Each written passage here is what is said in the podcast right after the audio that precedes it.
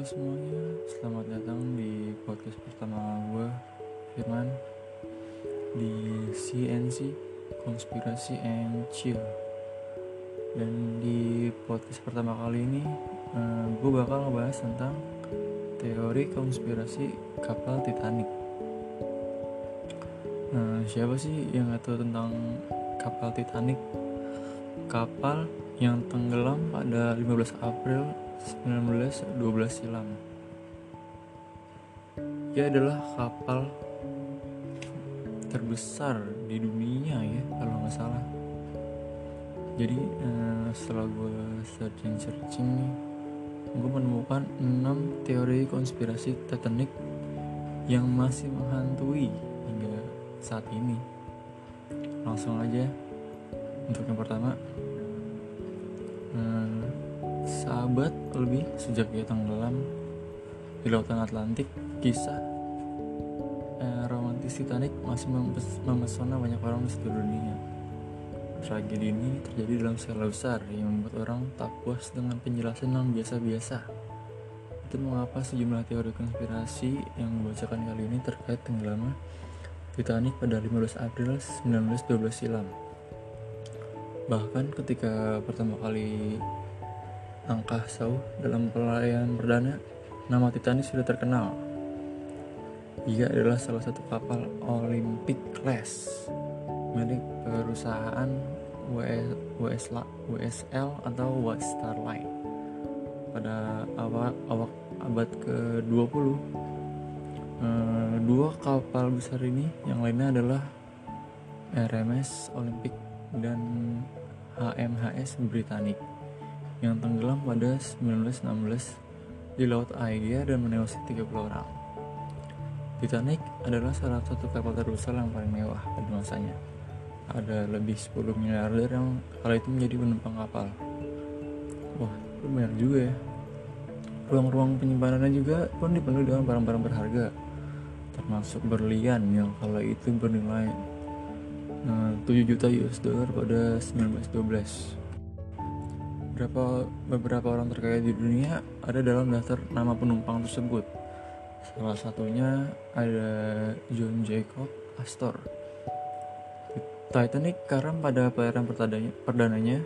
Kapal itu memulai pelayarannya pada April 1912 menuju New York, Amerika Serikat. Setelah empat hari melaut, Titanic menabrak gunung es yang merobek kompartemen kedap air di sepanjang lambung. Nah ini nih yang gue bahas. Kapal segede itu menabrak gunung es terus tenggelam. Ya nggak make sense aja sih. Kalau misalnya misalkan apa sih gunung es itu gede banget ya kali masa nggak ngeliat menurut gue sih ini ada inside jobnya sih lanjut. Uh, hanya dalam beberapa jam kemudian kapal tersebut karam di laut Atlantik. Lebih dari 1.500 penumpang dan awak kapal tewas. Nah baru-baru ini nih ada sebuah teori muncul terkait mengapa Titanic mudah karam akibat uh, sebongkah es. Dan menurut jurnalis Senan beberapa kebakaran di gudang batu bara uh, melemahkan struktur kapal. Yang memungkinkan gunung es menyebabkan kerusakan yang berdampak luar biasa pada Titanic. Dugaan kebakaran itu cukup masuk akal sih, namun masih banyak teori lain ya soal tenggelamnya Titanic. Masih kurang kredibel informasinya. Tapi selalu menarik. Nah jadi berikut nih 6 teori konspirasi soal tenggelamnya kapal Titanic. Yang pertama, kapal yang tenggelam itu bukan Titanic. Salah satu teori yang menarik adalah mungkin gak sih kapal yang tenggelam itu bukan Titanic. Kapal Titanic yang menabrak gunung es pada 14 April 1912 adalah kapal Olimpik pada saat Titanic dibangun, White Star Line juga membuat kapal besar lainnya yang diduga kembaran Titanic. Olympic kakak dari Titanic merupakan satu dari tiga kapal mewah WSL atau White Star Line yang dibangun oleh Harlan dan Wolff. Dan yang ketiga adalah HMHS Britannic. Perbedaan antara Olympic dan kemarinnya terletak pada lorong jalan dek A. Titanic yang dibuat dengan sekat baja dan jendela geser. Perubahan itu memungkinkan lebih banyak ruang di bagian depan kapal Selanjutnya di lorong pada dek B, Titanic juga dikurangi agar memungkinkan lebih banyak ruangan digunakan untuk kabin. Olimpik memulai pelayaran pertamanya pada 15 Juni 1911 mengarungi rute perjalanan yang sama dengan Titanic dan sampai dengan selamat di New York pada 21 Juni 19 1911 sayangnya pada pelayaran kelima Olimpik bertabrakan dengan kapal pesiar Inggris HMHS Howe pada 20 September 1991 di dekat Isle of Wight. Kecelakaan itu mengakibatkan dua lubang besar yang menganga atau lubang besar lah di kapal dan air laut membanjiri dua kompartemen kedap air. Tidak hanya itu, baling-baling kapal juga rusak. Jadi kapalnya udah babak belur lah. Tapi untungnya uh, Olimpik bisa kembali dengan selamat ke Southampton. Seorang penulis Robin Gardiner mengumumkan teori konspirasi yang menghebohkan. Robin Robin Gardner adalah seorang penulis. Jadi dia berpendapat bahwa kapal yang karam di Samudra Atlantik pada April 1920 itu adalah kapal Olimpik jadi bukan Titanic dalam bukunya yang berjudul Titanic, The Ship That Never Sank, Robin menyatakan bahwa Olympic menyamar menjadi Titanic dan sengaja ditenggelamkan untuk mencairkan asuransi dalam jumlah besar. Teori itu dinyatakan oleh sang penulis berdasarkan fakta bahwa HMS Hawk menyalahkan Olympic atas kecelakaan yang menimpa kedua kapal itu. Akibatnya, White Star Line dibanjiri tagihan biaya hukum perbaikan dan kerugian selama Olimpik tak beroperasi. Sementara itu, perusahaan asuransi yang digunakan White Star Line, Lloyd of London diduga menolak untuk membayar klaim. Jadi ini udah kapal karam, serba ganti rugi, sial bener deh Lanjut sehingga menyebabkan keterlambatan perbaikan dan keberangkatan pertama Titanic.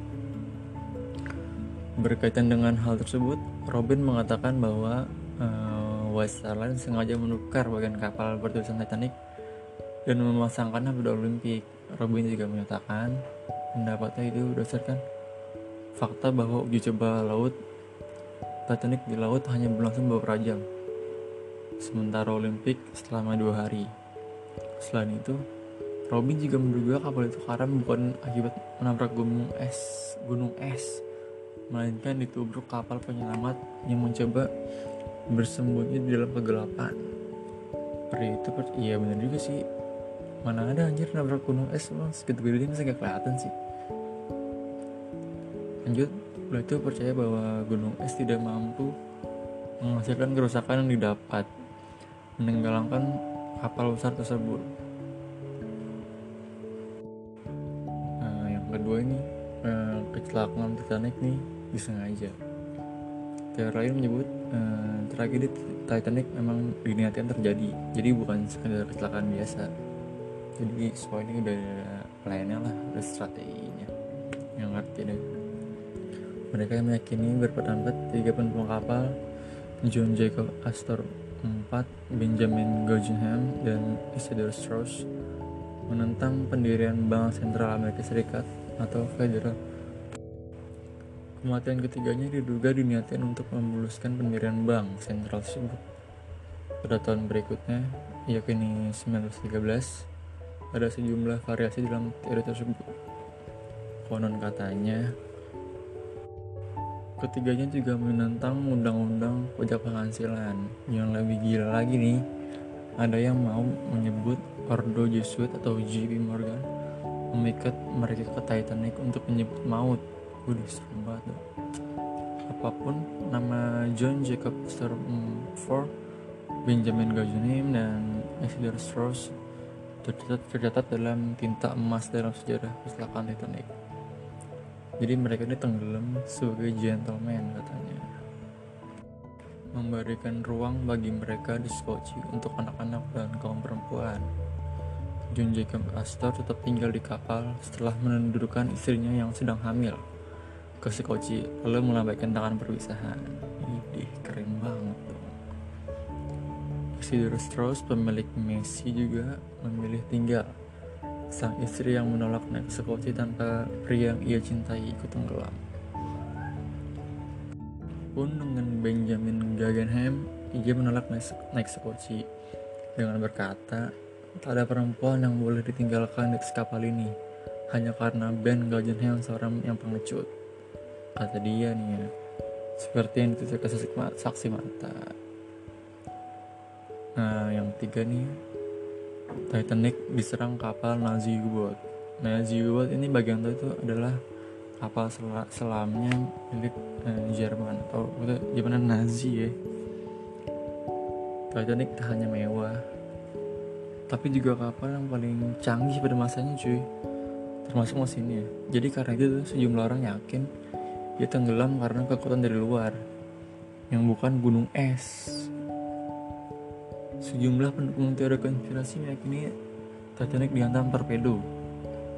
Serem yang ditembakkan dari kapal perang Jerman atau U-boat. Kesaksian para korban yang mengaku mendengar ledakan setelah kapal mulai kapal mulai tenggelam. Jadikan dasar teori itu sejumlah saksi mata pernah melihat sorot lampu pencarian di kejauhan jauh sebelum kapal penyelamat datang. Yang keempat ada kutukan bumi.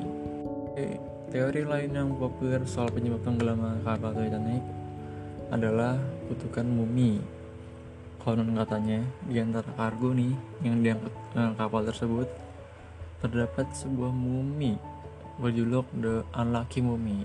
The Unlucky Mummy namanya The Unlucky Mummy. Udah pasti nggak beruntung nih. Sial mulu dia semasa hidupnya. Yang punya reputasi mengerikan sebagai pembawa sial. Pembawa sial dibawa lagi nih. Mumi besar kuno tersebut dikabarkan disimpan dalam sebuah peti batu atau sarkofagus. Ia disegel dengan kutukan-kutukan mengerikan yang membuat Titanic sekaligus gunung es yang ditabraknya ke akhir yang tak tragis. Jasadnya yang diawetkan tersebut juga adalah seorang putri dari kerajaan Mesir kuno yang bernama Amenra. Ia diduga te tewas misterius pada 1500 sebelum masehi. Kisah tersebut dikabarkan di sejumlah media pasca tenggelam Titanic. Disebut-sebut mumi tersebut disimpan di ruang bawah tanah rahasia di British Museum hanya replikanya yang dipajang. Hal itu dilakukan demi melindungi staf dan pengunjung. Kemudian seorang ahli Mesir kuno dari dari Amerika Serikat menemukan bahwa uh, peti batu yang dipajang di museum itu palsu. Jadi itu membujuk tuh buat pihak museum agar artefak itu tuh bisa ia beli untuk dibawa ke Amerika Serikat. Jadi setelah itu peti batu tersebut dibungkus sedemikian rupa hingga tak ada yang menyadari apa gerangan ada dalamnya dan yang dalam kargo Titanic.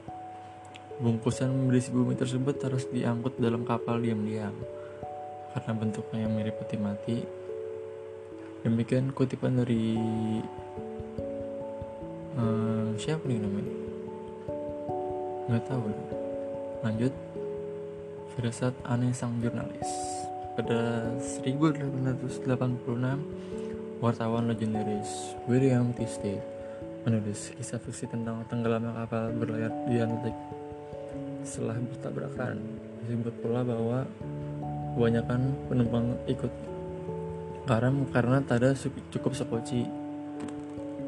Sekoci itu kapal inilah kapal kapal kan tuh kayak apa sih namanya lupa kan tuh sekoci itu perahu penyelamat lah dengan artikel itu Speed berusaha menarik perhatian pembaca tentang regulasi kelautan yang terlalu longgar yang tak mewajibkan kapal membawa yang cukup membawa semua penumpang dan awak kapal. Setiap kembali ke tema tahun 1892 dengan sebuah cerita berdasarkan kapal Majestic White Star Line. Klimaksnya nih ya, kapalnya yang melintasi Atlantik dan syarat tengah wisatawan tiba-tiba menabrak sesuatu. Seperti dikutip dari list verse, dari suaranya kapal tersebut seakan menabrak es besar. Para penumpang yang panik menuju dek, tengah cuaca lembab dan dingin menusuk. Bunyi es yang menabrak sisi kapal terdengar menggelegar, meredam dan jeritan orang, orang yang dari sana. Sejurus kemudian tertekan ada gunung es di sisi kapal. Dua dekade kemudian Steve tewas dalam tragedi yang telah ia ramalkan. Ia menjadi korban tewas dalam kecelakaan Titanic. Hanya ada 20 sekoci dalam kapal Titanic yang hanya cukup mengangkut setengah dari manusia yang ada di kapal. Jadi itu sih teori-teori konspirasinya untuk episode kali ini itu Titanic jadi sekian ya dari gue uh, Firman pamit cabut peace